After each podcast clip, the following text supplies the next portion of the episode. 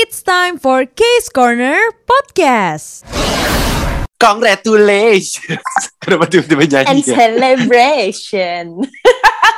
Kenapa kita tiba-tiba menyanyikan itu? Karena akhirnya kita sampai di podcast emas. Emas ya bukan Wih, podcast. ya. Itu bukan nama Nggak, podcast bentar. lain ya. Lo agak berlebihan sih Jeff, maksudnya gini, saat orang bilang emas tuh kayak 50 tahun gitu. Ini tuh cuman 50 episode ya. Bukan 50 tahun, mohon maaf ya. Nora. Saat podcast orang udah ribuan, kita baru 50. Tapi udah Nora. Tapi selamat Udah datang Nora loh. K-Friends di podcast Case Corner episode ke-50 barengan sama Jeffrey Nayawan. Dan juga Mutia Rahmi. Hari ini Yes. kita eh, ini ya akan bertabur. eh, aduh, udah boleh belum dikasih tahu nih Jeff? Udah boleh lah, udah boleh, Boleh kali. ya. Dalam rangka merayakan ulang tahun yang ke-50 ini kita mau bagi-bagi giveaway. Uh, Foto aku bagi-bagi sama gitu. Tia. Iya, photocard. Wow, sorry, photocard kita kan mahal dijual satuan. Kalau nggak beli Foto. albumnya. Photocard kita di print pakai HVS tau. Sekali kena air sobek. Sorry ya, kalau pakai HPS gede juga ukurannya.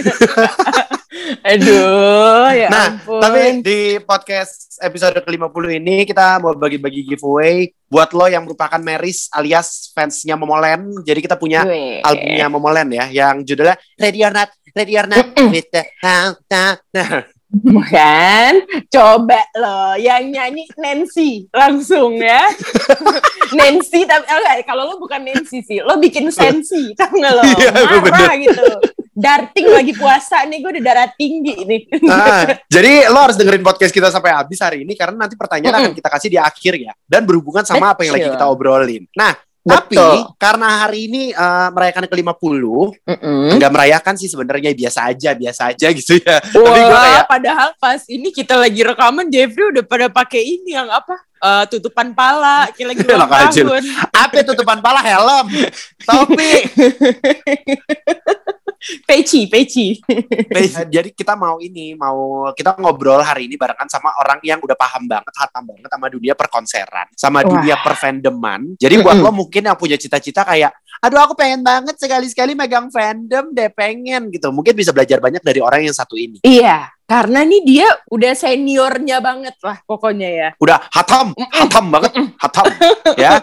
Jadi kita Iya, iya. bakal ngobrol barengan sama Mm-mm. Andina Sabri dari EXO-L yang merupakan JYP and Stan part of EXO Union Ina.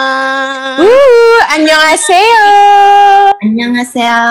Aduh. Ini ini, ini eh, Andina hits banget tahu kalau misalnya lo yang pengen tahu soal per K-pop K-popan lo bisa cek. Instagramnya di ini ya Twidina T W E E D I N A ini tuh udah kayak udah kayak kalau liatin postingannya tuh emang udah paham banget gitu Bener, bener, bener. Iya Karena kan Kandina, oh, eh, kita berarti manggilnya Oni. Oni. Oni ya. Eh gua gua Nuna dong Nuna Kenapa gue ikut Oh, panggil oh. Oni Kok gue nyaman Oh, enggak ya? barusan Terus barusan Oh, cara lu ngomongnya sosok Egyo lagi Oni Oni Ani. Kok nyaman? ya, Jeffrey. nyaman ya Egyo kamu ya. Kita yang gak nyaman nih liatnya, mohon maaf.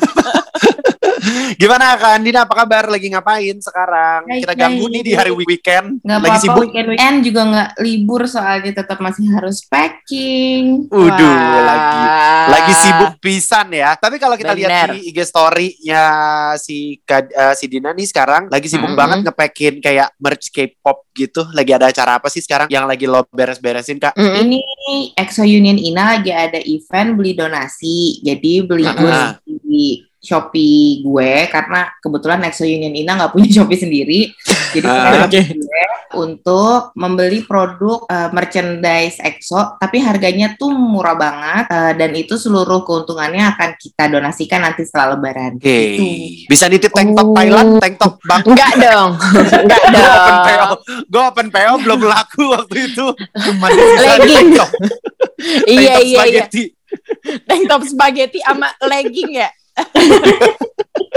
legging Thailand. Bedanya tapi- apa sih, Jep? Jadi kalau misalnya gua. kita tank top spaghetti itu yang talinya pakai spaghetti, tali spaghetti gitu kak. Udahlah, bukan itu yang mau kita bahas hari ini. ya, tapi bukan cuma ngomongin soal merch-merch sebenarnya yang kita bakal ngobrolin banyak banget nih kayak friends ya sama Andina itu adalah soal gimana dia memulai dunia perkonserannya. Jadi ini Doi itu benar-benar pernah bekerja sama juga ya. Lo pernah bekerja sama juga dengan beberapa promotor-promotor untuk eh, bergabung kayak apa ya? Bukan bikin konser konser ya, apa ya namanya ya? Bekerja sama untuk mensukseskan konser kali ya, Yes. kita sebutnya. Hmm. Nah, kita bakal ngobrol-ngobrol keluh kesahnya segala macamnya. Jadi buat lo yang penasaran, eh gimana sih caranya? Nah, lo sikat karena kita bakal ngobrol dengan Dina langsung. Case Corner. Sebenarnya kalau dari lo sendiri itu udah mulai kapan sih join-join yang kayak beginian nih gitu? Fanbase fanbase gitu ya, Fanbase gitu. Mm-mm. Kalau fanbase sendiri baru mulai ikutan itu di tahun 2012. Mm-mm. Nah, jadi waktu itu tuh PM ya. Yang konser pertama di Indonesia kan waktu itu tuh PM ya. Konser K-pop. Sorry, sebenarnya bukan tuh PM yang pertama, tapi yang paling kerasa konsernya tuh tuh PM waktu itu tahun 2011. 11 November 2011 jadi 11 11 11. Itu berarti mereka udah hands up ya? Itu hands up yang bikin promotornya Marigops, gue masih ingat, itu di Mangga 2 eventnya. Mm-mm. Mm-mm. Situlah pertama kali gue, waktu itu gue belum ke- kenal perfandoman, tapi di situ gue jadi kenalan sama banyak hotes. Hotes itu sebutan fans 2PM. Ya, Mm. Di hotes. situ gue banyak kenalan, habis itu baru deh tuh gue ngerti sama ternyata di Indonesia tuh ada fanbase, ada namanya fanbase, ada namanya kumpul-kumpul sama teman-teman per eh, satu fandom. Jadi dulu tuh gue. 2PM ya sendirian. Kayak gue nonton konser datang sendirian, nonton sendiri. Kayak Gue gua juga lagi dulu Mm, masih nonton awam banget. sendiri. Tapi Nah. enak tuh nonton konser K-pop sendiri tuh, nggak nggak ada temen fangirling tuh, nggak apa-apa tuh. Surprisingly pas di venue kan kiri kanan lo fangirl. Iya, ujung-ujungnya lo berasa Bener sih. Ter- terus lo tiba-tiba Malah bisa ngobrol sama baru. orang gak lo kenal. Bisa tiba-tiba lo ngobrol gak sih? Bener, nah, bener, itu bener. di situ juga gue kenalan Bener, sama bener. teman gue yang akhirnya kita bentuk sebuah fanbase sendiri gitu. Di situ tuh kita kenalan awal mulanya lah. Pokoknya hands up deh, singkat gue tuh waktu itu konser hands up. Nah, cuman dari eh, semenjak eh, konser 2PM itu baru tuh promotor Marigops itu rajin banget bawa K-pop. iya dia Hmm. pertama kali lah yang langsung bawa banyak nama lainnya. Nah pas yang lagi mau bawa konser 2PM yang kedua eh, buat konser WTII Wha- What Time Is It 2PM Mm-mm. lagi Is it? itu mereka yang malah justru approach fanbase dulu. Oh, Oh. waktu Iya. itu. Ya marketingnya atau apanya DM kita di Twitter kayak DM semua fanbase, DM fanbase fanbase gitu di Twitter. Oh, lo waktu itu udah tergabung di hot, eh, jadi lo bergabung di fanbase 2PM atau Ya, Masih gue udah 2PM. bergabung. Berarti fanbase pertama yang yang dipegang adalah 2PM ya? Ya, nah terus, terus si terus? di marketingnya itu kayak nanya-nanya ke ya pokoknya yang paling cepat jawab akhirnya tektokan saat itu kebetulan fanbase gue yang paling cepat jawab akhirnya kita tektokan uh, tuker nomor WA ngobrol akhirnya mereka kayak boleh nggak lo bantuin gue mereka minta tolong ya lo bantuin gue kumpulin semua fanbase jadi satu. Jadi biar gue nggak perlu tektokan sama banyak orang. Karena fanbase kan pasti ada yang fanbase si member A member B member C. Yang member Tergantung biasnya mereka ya. member A Jakarta, member A Padang, member A Makassar gitu kan. Pokoknya Buset. lo boleh nggak jadiin itu satu. Akhirnya jadi satu nih gue semua. Jadi kita bikin satu fanbase union namanya. Oke. Union itu tuh maksudnya persatuan banyak fanbase. Fanbase. Jadi gitu, terus akhirnya diajak meeting langsung tuh sama promotornya. Kita meeting, terus akhirnya di situlah gue baru tahu juga kalau ternyata eh, mereka mau mengakomodir permintaan fans seperti kayak di Korea. Jadi kalau di Korea culture-nya, fandom tuh pasti kerja sama promotor. Fandomnya ngomong, gue tuh pengen bikin project dong buat artisnya. Lo bisa akomodir gue nggak? Gue projectnya Mm. misalnya mau hand banner gitu, pegang kertas support gitu. Ntar promotornya boleh. Jadi nanti fandomnya bak- bisa ngasih hand banner di venue, tapi legal gitu, bukan ilegal yang diem-diem. Nah kita pikir dulu tuh nggak bisa kayak gitu di Indonesia, tapi ternyata Mari Groups duluan malah yang approach kita, ngajakin.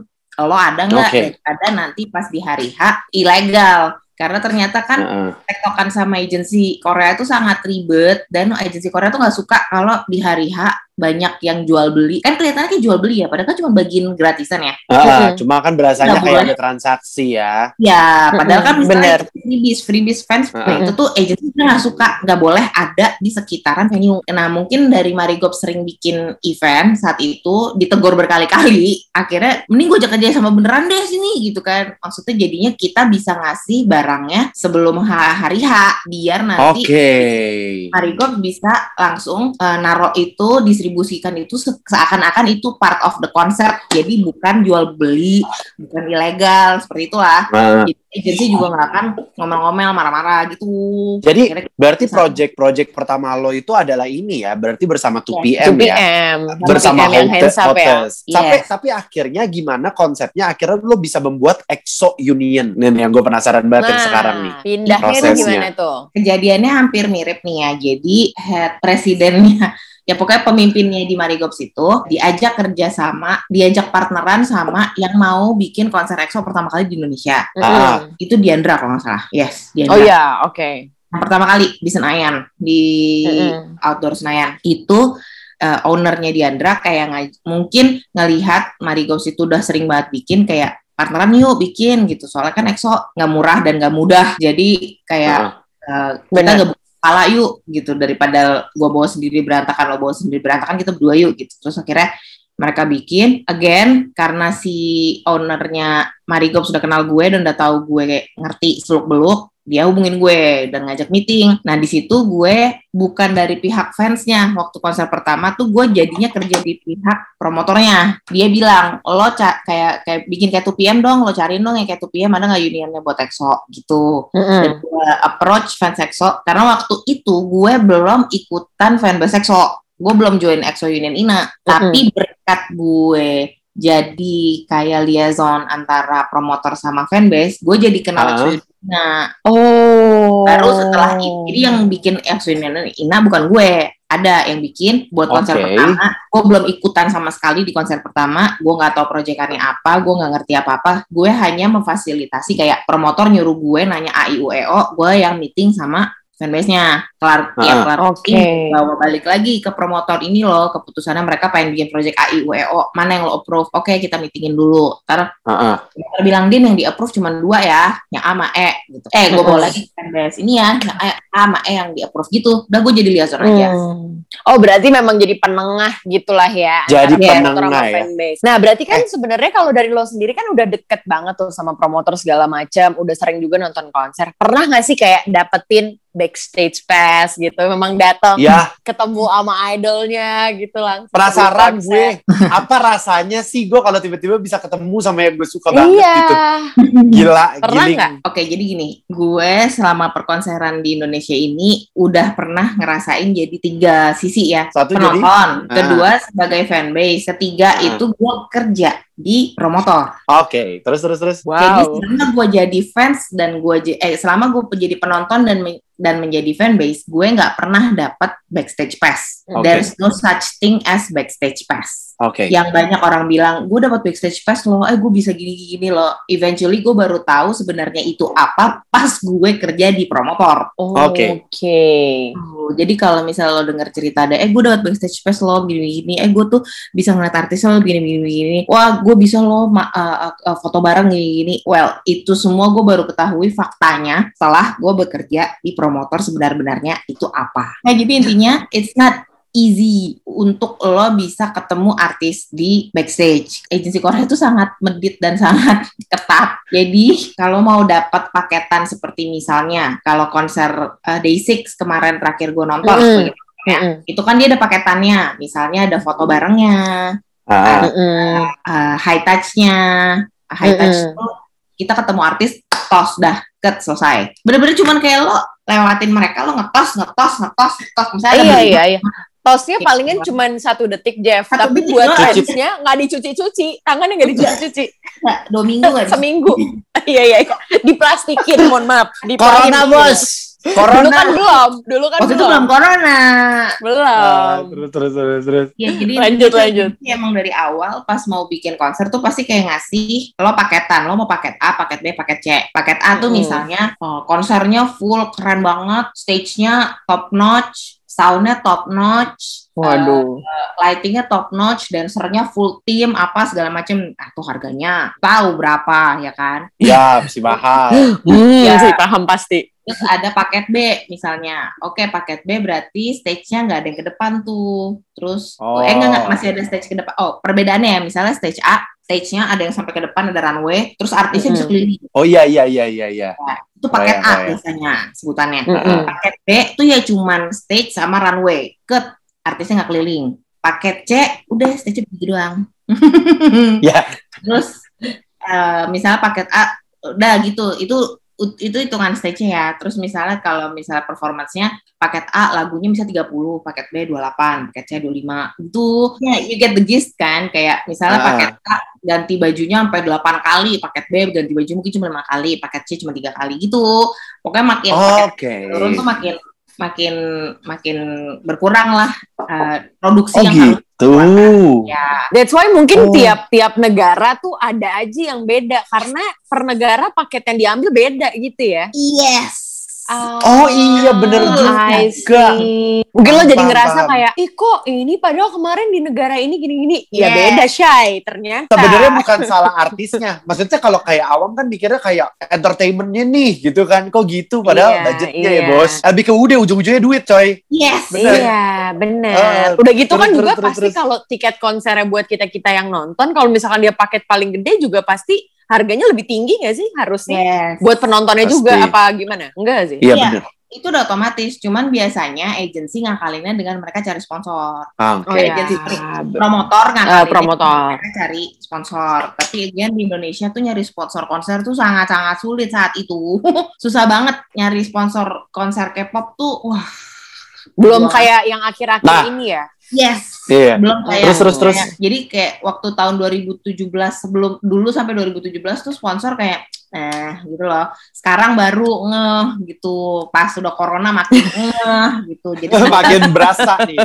Eh tapi, Tapi kalau kalau misalnya dari tadi kan lo ada sempat ngomong kayak betapa sulitnya gitu ya, kayak ada ada kayak sulitnya nyari sponsor. Tapi dari semua hal yang udah lo proses lo lakukan, paling nyebelin tuh waktu nyiapin konser K-pop tuh apa sih? Momen yang paling menyebalkan sebagai lo yang pernah ngurusin. Kalau dari fanbase sendiri itu sebenarnya lebih ke ngurusin maunya fans aja sih. Jadi kayak eh, nyari dananya. Kan kita kan kayak bikin hand banner itu butuh duit ya. Jadi Ah. biasanya galang dana, galang dana untuk proyekannya. Proyekannya kan nggak Oke. cuma hand banner. Misalnya kita juga mau ngisi mau, mau ngasih makanan. Biasanya tuh food support Mm-mm. ya. Kita ngasih makanan Mm-mm. ke pro- eh, ke artisnya, ke staff Koreanya. Kita mau Oke. ngasih uang juga rangkaian bunga apa segala macam. Di- Basicnya tuh biasanya itu ya buat proyekan. Nah itu nyari duitnya yang ribet karena Caranya gimana biasanya kak? Galang dananya. fanbase gue selalu gue saranin untuk jualan karena gue nggak pernah mau terima duit cuma-cuma. Jadi Iya. gue maunya kita jualan keuntungannya full untuk project. Nah itu. Oh, ngajak oke. orang buat belinya tuh susah banget kayak yang ngerti kalau misalnya kita beneran cari duit untuk proyekan ya pasti beli. Tapi yang lain tuh enggak. Jadi ujung-ujungnya kita duitnya tuh pas-pasan. Tapi nanti tuh fans maunya eh, kalau misalnya proyekan enggak sesuai harapan mereka, mereka bakal nyalain fanbase gitu loh kayak lu gimana sih effort lo kurang nih lo lu nggak tahu gue nyari duit susah payah kayak gimana lo Lu jawab. Kesian. gratis lo pikir pop nih gratis gitu loh kayak Lo yang kagak beli bun, lo yang kagak beli. Komentar aja netizen. Gila lu. "Uh, meledak banget itu gue bagian itu tuh gue meledak banget sama sama jadi gini mereka tuh paling sering nggak not not all fans tapi banyak yang Mm-mm. kayak Mm-mm. "Ih, pengen deh project kan eh, kita kompak kayak fans Korea eh pengen deh kita kompak kayak fans Thailand jadi yang paling terkenal fansnya kompak tuh satu Korea dua Thailand tiga Jepang itu fans yang Ah. emang udah terkenal paling kompak lah ya jadi itu Mm-mm. biasanya jadi berat fans-fans negara lain ih pengen deh kompak kayak fans Korea eh pengen deh kompak kayak fans Thailand jadi yang bener-bener fans- fans Thailand tuh ya lo gokil banget deh Are arenanya tuh letter U Mm-mm. pas ada timing mereka tuh kayak udah di briefing sama fanbase jauh-jauh hari nanti pas ini lo angkat hand bannernya pas lagu Mm-mm. ini itu kayak udah tahu lo tau gak sih wave gitu loh Wih, Wih, keren. keren, keren. terus pas udah kebuka tulis ada tulisannya ngerti kan lo Oh, ini yang Korea tapi kan? Thailand, Thailand. Thailand. Oh, Thailand. Thailand. Oke. Korea juga ada Iya, Jepang Korea ada. juga juga ada yang kayak Iya, gitu soalnya. tiga negara itu ada jadi tapi yang gue paling ingat karena gue ada di Thailand saat itu jadi kayak diangkat gitu wavy terus yang tengah kan letter ini misalnya we love yang sini EXO yang tengah yang let bawah U-nya itu bentuk hati jadi li- sekelilingnya putih tengahnya hati lo kebayang gak sih bisa kompak kayak gitu terus yang kayak "Hmm, fans Indo aduh gue pengen banget kita bisa kompak kayak gitu Lo tahu nggak kemarin 2019 konser di Indo, gue udah siapin priwitan ya. Terus terus terus. buat lu buat? anak-anak ngangkat hand banner. Lu tahu Heeh. ngangkat apa? Apa? Handphone. Ya elah. Ngerekam ya? Lebih fokus ngerekam Rekam ya? ya? Maksud gue nggak apa-apa lu orang kagak ngangkat handphone tapi sambil ngangkat Kan hand lagi banner. ada momen, ada momennya. gue nggak minta mereka fanbase tuh nggak minta mereka angkat hand banner dari awal sampai akhir konser kok enggak bener-bener Mm-mm. cuman satu lagu dan satu lagu pun cuman dari ref akhir sampai selesai nggak full satu Mm-mm. lagu itu bener-bener gue yang ada di venue gue teriak-teriak kayak gitu. Terus, terus. HP. Terus terus tapi Iya. nanti di Twitter bilangnya aduh fans Indo nggak kompak ya padahal pengen banget kayak fans Thailand sama fans Korea rekut gue kesel banget kayak gitu tuh Jadi sebenarnya ketika lo lagi ngurusin fanbase, eh, misalnya lagi ngurusin fanbase, yang paling menyebalkan tuh bukan agensi, bukan promotor, tapi lebih ke sesama fans ya. nggak sih? Yang rese. Iya, padahal nih ya kita udah susah payah nih ya bisa kerja sama promotor. Akhirnya kayak eh eh, apa namanya hand bannernya itu promotor yang ngasih di pas body checking, ngerti kan? Pas Ah, body checking pihak promotornya security atau staff yang di situ yang ngasih ke tiap penonton. Jadi literally semua penonton dapat gitu loh. Dan di ah, hand terus terus terus terus. udah ada instruction. Itu Oh, kita lu tulisin juga instruction. Iya udah ada, udah ada. Memang udah Udah, ada dikasih sama. Iya. Udah ada. Itu biasanya Oh, yang gue- ditaruh di bangku gitu-gitu kan. kalau yang duduk kita udah taruh di bangku tapi kalau yang berdiri itu kita pas biasanya di hand bannernya dan kita udah tulis. Kita tulis. Takutnya nggak semua orang pakai Instagram nggak semua orang pakai Twitter gitu kan. Jadi Mm-mm. mungkin ada yang nggak tahu. Udah kita tulis instructionnya. Hand banner diangkat pas kapan pas lagu kapan lirik yang mana Case Corner. Tapi kan memang sebenarnya nih udah banyak banget kan keluh kesahnya gitulah eh, pas lagi ngurusin gitu. Cuman apa yang bikin lo tetap stay gitu buat ngurusin konser-konser, terutama yang eh, pas di fanbase-nya ya? karena sebenarnya kan eh, untuk ulang ngajarin ini ke generasi baru agak sulit dan biasanya promotor tuh males ngajarin ulang. Promotor tuh kalau udah pernah sama satu fanbase, udah pasti next konser mereka akan hubungin fanbase itu lagi. Tinggal fanbase-nya menolak atau menerima gitu kan. Terus Nah, terus. ujung-ujungnya karena emang masih cinta ribet apa pun sesulit apa pun tetap kita jalanin. Karena gue juga udah pernah ngerasain berada di posisi promotor yang kita tahu ngajarin orang baru tuh susah. Kayak ngasih tahu kenapa boleh begini kenapa boleh begitu. Kenapa nggak boleh begini kenapa nggak boleh begitu. Itu kan ribet ya untuk ngulangin itu again kayak pacaran gitu. Ngulang lagi dari awal. Ya Capek ngulang terus. Mendingan balikan sama mantan, makanya banyak yang suka balikan sama mantan. Iya kayak gitu. Terus, terus, terus. Sebenarnya karena emang masih sayang aja sih sama grup yang kita dukung. Jadi kayak secapek-capeknya, sekesel-keselnya, banyak memori bagusnya juga gitu selama konser. Jadi kayak Ber- berarti sebenarnya dalam sebuah konser tuh ya, maksudnya promotor tuh sangat membutuhkan fandom pasti ya fanbase ya. Secara nggak langsung kalau dengar Yes, dari itu simbi- simbiosis mutualisme sih. Karena mereka jadinya ujung-ujungnya ngandelin fanbase. Ah iya fanbase yang promo, fanbase yang ngajakin penonton gitu berarti ya. Karena culture fandom itu sendiri banyak main di Twitter, sedangkan Mm-mm. pasti agency atau promotor itu jarang banget pakai sosmed Twitter untuk promosi kan. Sedangkan Oke. target audience mereka mainnya di Twitter, mostly Ah, oke. semua ya. Iya benar-benar. mostly mainnya Mostly. di Twitter. Tapi tuh dari Da- tadi kan sebenarnya memang udah banyak eh, apa namanya eh, hal keluh kesahnya. Kalau positifnya sendiri nih hal-hal yang menyenangkannya apa nih yang paling diingat? Ya itu project kita di notice gitu bener-bener kayak pas udah kelar konser itu banyak banget mention masuk ke uni ke ke gue dan EXO Union Ina kalau ternyata hand bannernya tuh diambil sama member. Diangkat Oh, Seneng banget. saya. Yang eh, eh, beneran di notice terus kan itu kita tulisnya pakai hangul bukan sih gue lupa pokoknya ada yang hangul ada yang ada yang ada yang Bahasa Inggris. ada yang bahasa Ah. Inggris gitu terus mereka jawab gitu tuh terus mereka gini-giniin terus panjang perform lagu berikutnya gitu Oh my god, itu gue yang ngeprint. oke. Gitu gak sih? Iya, itu gue yang ngeprint. itu gue yang desain, coy. gue yang bagiin gitu tuh belajar. apalagi kalau mereka foto bareng gitu karena di konser yang Day Six itu kan Mm-mm. juga union gue yang ngerjain tuh yang 2019 kemarin Mm-mm. itu tuh si Sung Jin tuh sampai uh, masang hand bannernya di mic dia Jadi Oh, Ya ampun, gemes. Gila. Gemes banget. dia pasang di mic-nya dia, jadinya tuh sampai masuk ke kayak dokumenter mereka gitu, bukan dokumenter apa kayak DVD konser mereka gitu, ada Uh-uh. headband gue desain gitu kan ada di situ gitu. Udah gitu kan mereka kan kalau tiap konser pasti foto bareng gitu kan, foto bareng Mm-mm. mereka dan penonton, jadi mereka di stage nge- ngebelakangin penonton terus di foto gitu. Bener. Nah, itu tuh si si Day6 beneran ngangkat hand banner kita. Jadi fotonya tuh terpampang nyata gitu. Ya ampun, walaupun ya kalau foto sama foto sama kitanya tuh nggak kelihatan karena kitanya kan masih jauh banget ya. Tapi sama hand banner karya sendiri tuh bangga ya.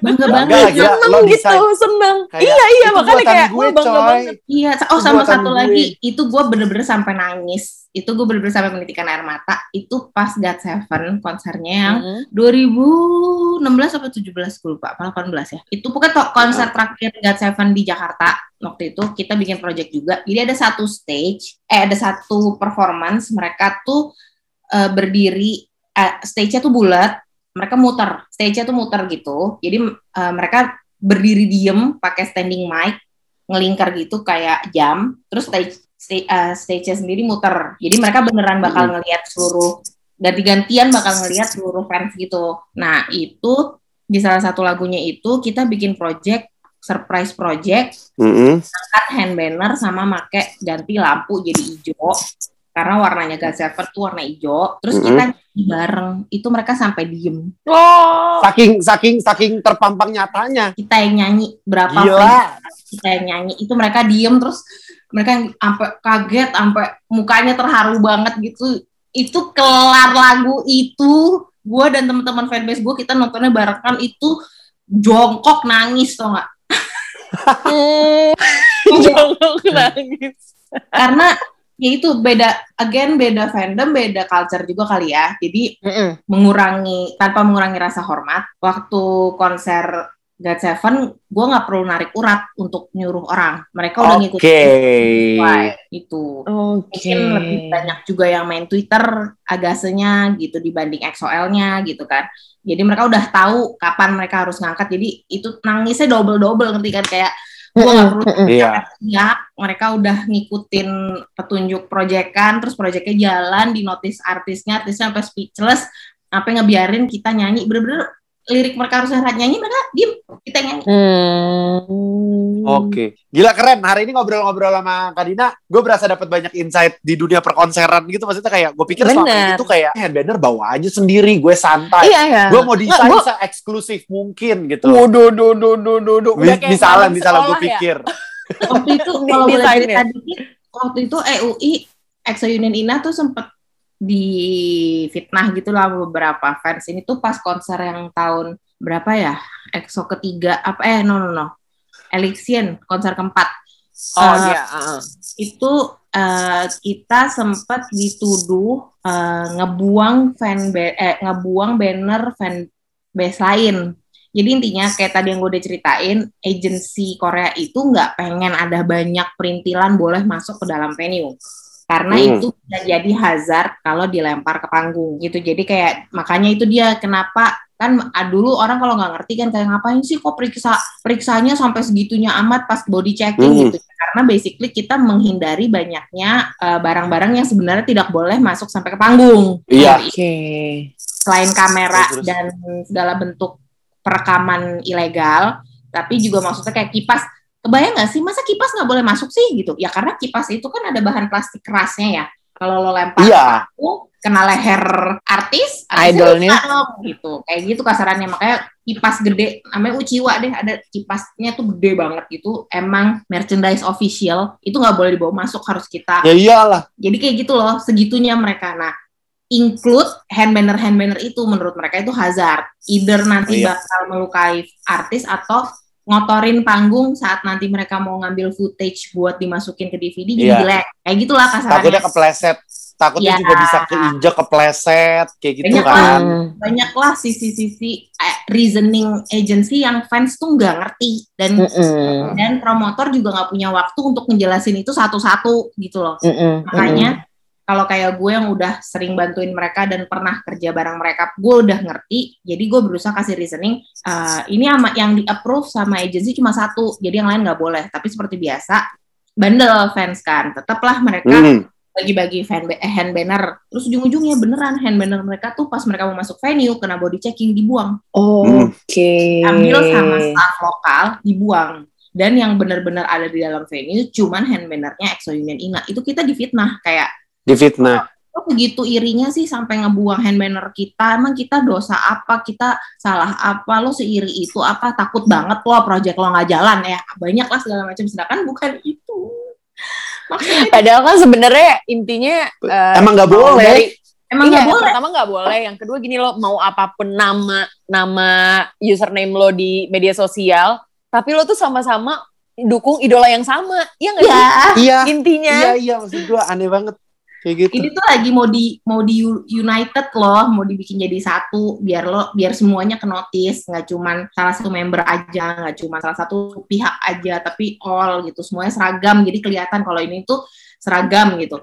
Gak Banyak usah lah ngomongin kompak-kompakan kalau lo aja kayak gini-ginian aja gak bisa satu gitu Iya. ngurusinnya. Fitnah-fitnahan coy. dan itu udah dibilangin sama promotor jangan maksudnya kan udah dikasih tahu barang apa aja nggak boleh dibawa masuk ke venue tapi Iya. kalian masih bandel bawa dan giliran disita kalian marah gimana sih Iya bener. Bener. Gila. Berarti emang lu udah mengalami banyak banget asam garam kehidupan perfanbasean ya.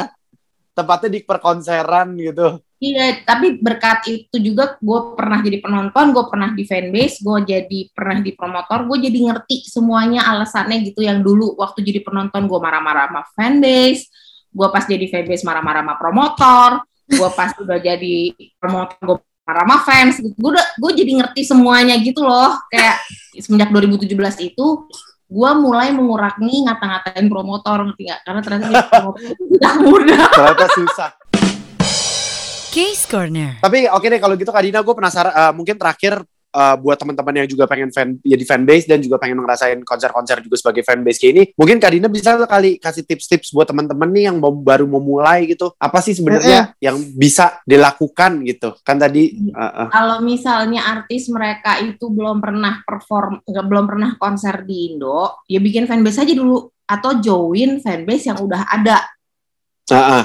Kayak DM aja, tanya-tanya lagi jadi volunteer nggak, lagi apa nggak. Terus eh, perbanyak portfolionya, kayak misalnya eh, eh, kon hmm, sorry, promotor itu pas mau milih fanbase yang buat diajak kerja sama pun pasti ngeliat dulu Twitternya, ngeliat dulu. IG-nya, event apa aja yang pernah lo bikin. Kita sebagai fans juga harus bangun portfolio gitu loh. Mm-mm. Udah pernah Kayak mau ngelamar kerja ya Bun? Bener bun. Biar Kayak- terpercaya bun. Yes, betul biar ketahuan juga. Iya. Ada pernah bikin ah, kita pernah bikin gathering apa aja, kita pernah bikin event apa aja gitu. Kenapa juga EXO Union Ina terus-terusan dipercaya sama promotor? Gue rasa karena kalau mereka ngelihat page kita, mereka lihat sendiri. Kita tuh tiap tahun pasti bikin acara gitu. Apalagi kalau sebelum corona, sebelum corona tuh udah pasti kita bikin gathering, kita bikin eh, kalau lebaran tuh pasti donasi, kita bikin kayak acara amal. Kalau misalnya lagi ada anniversary kita bikin no, eh, kalau misalnya ada kons, ada film, salah satu film member rilis tuh kita pasti bikin nobar kayak gitu loh. Kita tuh udah portfolio kita udah panjang gitu. Jadi kayak pas mereka mau ngajak kerja sama, oh nih anak ngerti organisasi kok. Jadi seharusnya kalau kita kasih reasoning yang tepat mereka mengerti gitu. Tanpa kita harus ngejelasin tetek bengek yang nggak perlu dijelasin gitu. Oh. Kalau misalnya belum dibikin portfolio kayak gitu, promotor pas kalian eh pas mereka fanbase fanbase ini DM promotor kayak kita dari dari dari eh, fanbase A nih kita pengen ngajak kerjasama untuk konser gitu. Ya pas promotor lihat apaan nih? Lu belum pernah bikin apa-apaan? Ya juga pasti di skip pasti promotor nyari yang fanbase yang lebih berpengalaman Oke. Pak, satu lagi itu pas udah ada announcement kalau atau gosip mereka mau konser terus udah tahu agensi siapa yang eh promotor siapa yang bawa bombardir email sama DM Oh, Oke. kasih tahu ini ada fanbase ini loh gue udah pernah begini aja loh gue mau projectkan dong please tapi kalau kan lo tahu pasti promotor kan yang email nggak cuma satu dua kan yang DM juga nggak cuma Bener. satu dua pasti banyak tapi jangan sampai spam sampai 10 kali email ya tapi maksudnya kayak lo udah email nih abis email lo DM kami udah email ya kami dari fanbase ini kami udah email ya ke email ini kami mau ngajak kerja sama dua minggu nggak dibales email lagi, DM lagi gitu. Bener-bener harus gencer ya, gila keren keren keren. Berarti Bener bener bener emang bener bener-bener harus harus ini sih gencer banget coy. Boleh, boleh aja. Dibombardir. Boleh-boleh aja sebenarnya uh, kayak friends kalau lu pengen jadi fanbase ya semangat juga biar bisa kayak Kadina ya, tapi jangan sampai terbengkalai.